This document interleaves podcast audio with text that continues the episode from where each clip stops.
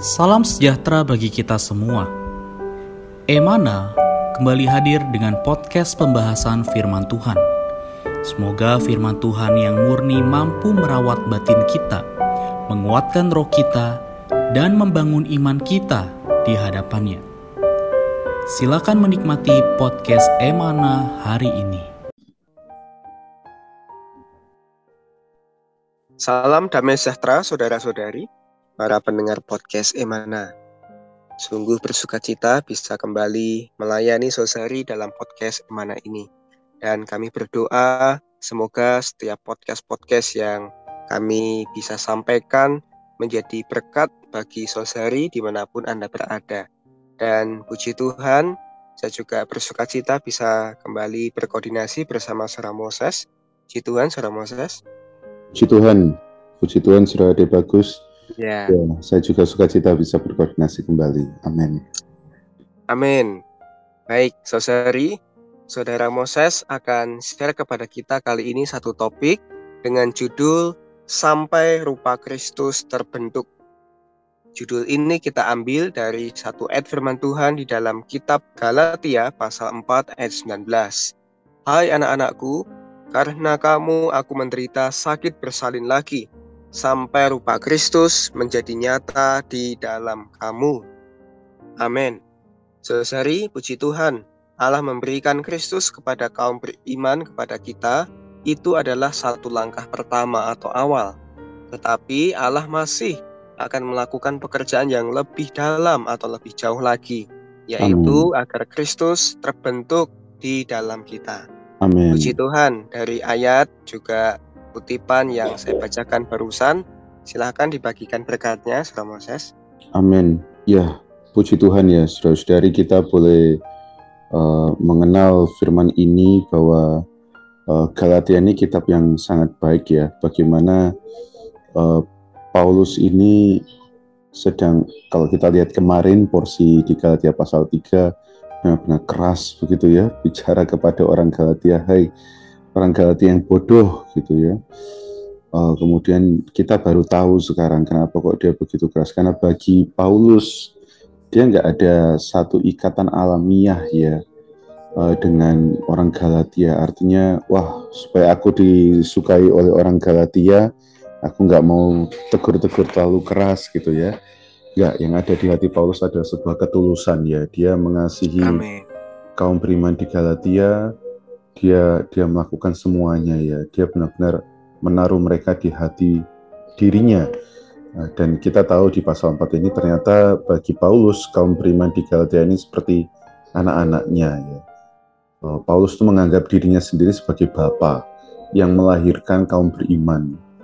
Oh, dan kaum beriman Galatia ini anak-anaknya yang dilahirkan di dalam Kristus uh, ini juga serupa ya seperti waktu Yohanes menulis ya di 1 Yohanes 2 ayat 1 dia berkata anak-anakku hal ini kutuliskan kepada kamu. Jadi para rasul ya bukan hanya Paulus benar-benar memiliki hati yang sedemikian. Nah, mereka kita terhadap kaum saleh menaruh mereka di hati kita ya terhadap kaum beriman uh, dalam gereja seperti anak-anak kita ya kita kalau mereka menyimpang ya kita merasa wah begitu terbeban terhadap mereka begitu ya. Uh, rasanya nggak pas kalau dibiarkan sendiri. Kemudian di satu Korintus Paulus juga pernah berkata ya, uh, orang Korintus kamu sekalipun punya beribu-ribu pendidik dalam Kristus ini satu Korintus 4 tapi kamu tidak mempunyai bapak ya. akulah yang dalam Kristus Yesus telah menjadi bapakmu karena Injil. Ini menyatakan Paulus itu tiap kali ketemu kaum beriman ya. Ini dia nggak cuma sekedar melayani secara luaran, saudari. Di hatinya, ya dia benar-benar terbeban. Ya sampai apa? Nah di Galatia 4 ini baru kita tahu. Sampai rupa Kristus menjadi nyata di dalam. Saya rasa ini benar-benar real ya, pelayanan yang yeah. begitu dalam. Sama seperti kita punya anak ya. Nah, sebagai seorang bapak, saya punya dua anak. Ya, saya juga nggak bisa ya cuma jadi bapak di permukaan ya uh, yeah. ya anak-anak saya akan banyak melenceng tapi kenapa saya kadang harus menasehati demikian karena saya ingin sampai diri saya itu nyata di dalam mereka nah, Amin. Dan dalam hal ini Paulus ingin rupa Kristus nyata di dalam kaum beriman. Amin. Ya, ya, puji Tuhan ya, Saudara Moses. Kalau kita lihat ayat ini, bisa dibilang ini sebuah pengharapan Paulus ya kepada orang-orang ya, Galatia betul. yang menurut dia adalah anak-anak rohaninya. Juga boleh dibilang sebagai doa Paulus supaya orang-orang Galatia ini, kaum beriman Galatia ini bisa um, menjadi anak-anak yang Kristus itu terbentuk ya di atas diri mereka. Nah, hmm. tentu ini juga menjadi satu pengharapan uh, Paulus kepada kaum beriman kita hari ini ya dan yeah. juga mungkin adalah pengharapan Allah ya kepada kita sebagai anak-anaknya hari ini ya Allah mendambakan supaya Kristus itu terbentuk di atas kita. Nah di dalam pengalaman di dalam kehidupan rohani kita uh, bagaimana supaya Kristus ini benar-benar terbentuk secara Moses ya di dalam diri kita gitu. Amin. Ya mungkin sebelum saya bagi pengalaman ya saudara-saudari saya ingin uh, menyampaikan bahwa kenapa ini ditekankan oleh Paulus ya karena Kristus yang adalah pribadi yang hidup itu menjadi titik pusat Injilnya Paulus ya. Pemberitaan Paulus yang besar khususnya di kitab Galatia ini adalah bagaimana dia mau membedakan Kristus itu dengan hukum Taurat yang tertulis, yang mati. Kalau Kristus adalah hidup, hukum Taurat itu mati. Nah, karena itu eh, secara tegas ya perkataan Paulus di sepanjang kitab Galatia ini benar-benar memusatkan pada Kristus. Kristus yang disalibkan, ini di pasal 3 ya. Menebus kita dari hukum Taurat, kutukan hukum Taurat. Menyelamatkan kita juga dari arus agamawi dunia yang jahat di pasal 1. Kristus ini adalah dia yang telah dibangkitkan dari kematian, pasal 1 ayat 1 sehingga apa? Dia bisa tinggal di dalam kita. Ini pasal 2 ayat 20. Nah, ketika kita dibaptis ke dalam dia, disatukan dengan dia, mengenakan dia, berjubahkan dia. Nah, ini di pasal 3 ayat 27.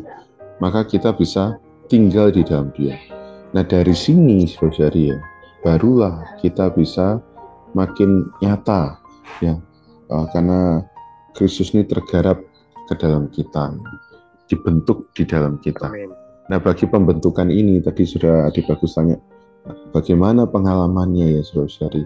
Ya sama seperti sebuah uh, cetakan ya, uh, yang indah ya untuk bisa terbentuk dia memang harus banyak mengalami penyesuaian-penyesuaian bentuk ya.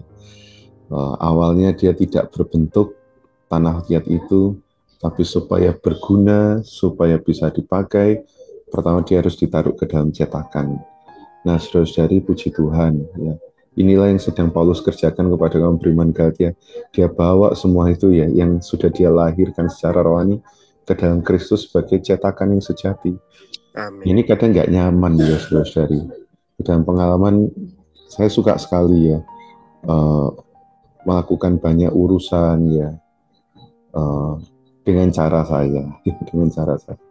Namun puji Tuhan ya Tuhan berikan rekan-rekan di dalam pelayanan yang di mana saya perlu belajar berkoordinasi bersama. Nah ini mencetak ya, mencetak sehingga pelayanan itu tidak berasal dari diri sendiri, tapi belajar untuk datang bersama kepada Tuhan. Ini satu hal.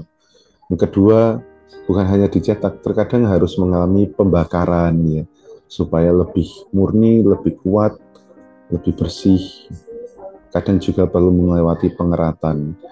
Nah, banyak sekali dalam hidup kita, dalam hidup saya ya, khususnya dua setengah tahun pandemi ini, Tuhan juga mengalami memberikan banyak pengeratan.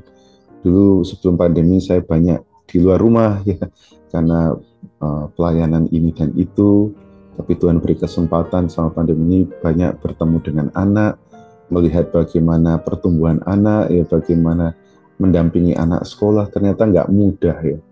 Wah, banyak alamiah saya yang Tuhan kerat, ya. Saya yang tidak sabaran, saya yang mudah temperamen, Tuhan benar-benar uh, soroti, terangi, ya banyak bertobat di situ. Amin. Tapi untuk tujuan apa? Bukan untuk menjadi seorang bapak yang baik, suami yang baik, tapi supaya Kristus itu makin nyata. Amin. Ya, puji Tuhan ya, Susari. Inilah di dalam pengalaman ya, bahwa Allah sering kali menaruh kita di dalam satu cetakan. Yeah. Kemudian ya perlu membakar kita bahkan mengerat kita ya. Melalui setiap pengalaman yang menanggulangi seperti pengalaman saudara Moses tadi contohnya tujuannya untuk satu yaitu agar Kristus menjadi nyata di dalam saudara Moses ya. Juga kiranya di dalam pengalaman kita hari ini saudari Allah mungkin melalui berbagai situasi kehidupan kita juga sedang menaruh kita ke dalam satu cetakan Amen. yaitu dirinya sendiri membakar kita dan membentuk kita juga mengerat kita Amin. Tujuannya adalah satu, yaitu supaya Kristus bisa menjadi nyata dan terbentuk di atas kita. Amin. Pada akhirnya, saudara Moses ya mungkin orang di sekitar kita itu akan bisa melihat Kristus ya, iya. diperhidupkan. Yeah. Kristus diekspresikan di atas diri kita. Amin. Puji Tuhan, saudari. Amin. Amin. Ya, puji Tuhan. Sebelum kita tutup dalam doa, saudari, moga kita melihat jauh ke depan ya. Kenapa Allah mengizinkan kita dibentuk sedemikian itu adalah supaya kita bisa dewasa, ya. tidak lagi menjadi anak-anak, tapi bisa dewasa sehingga ke depan kita menjadi ahli waris yang siap mewarisi berkat janji Allah. Ya, kita bisa dewasa sampai menjadi putra-putra ilahi. Nah inilah yang nanti akan menjadi para pemenang. Moga pandangan ini menjaga kita ya sehingga dalam segala situasi kita tidak tawar hati. Amin. Amin. Mari kita berdoa ya. Tuhan terima kasih Engkau begitu mengasihi kami, Engkau bukan hanya melahirkan kami kembali, tinggal di dalam kami, tapi Engkau juga mau dirimu nyata, dirimu terbentuk atas kami. Karena itu kami perlu suplaimu lebih lagi Tuhan. Sehingga di dalam proses pembentukan kami ada pegangan, kami ada modal, kami ada kekuatan untuk menghadapinya. Tuhan Yesus, ya. supaya kami lebih banyak lagi. Juga bahwa kami tidak tinggal sendirian sebagai orang Kristen. Kami mau mencari kaum beriman yang lain. Kami mau mencari penghidupan gereja di kota kami. Ya. Penghidupan gereja yang sesuai dengan kehendakmu. Supaya kami juga tepat di dalam pembentukannya. Kami Amen. tidak menjadi bentuk yang aneh-aneh.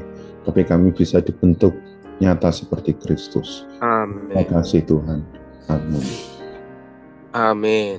Puji Tuhan. Puji Tuhan. Terima kasih Saudara Moses. Amin. Tuhan berkati. Tuhan berkati.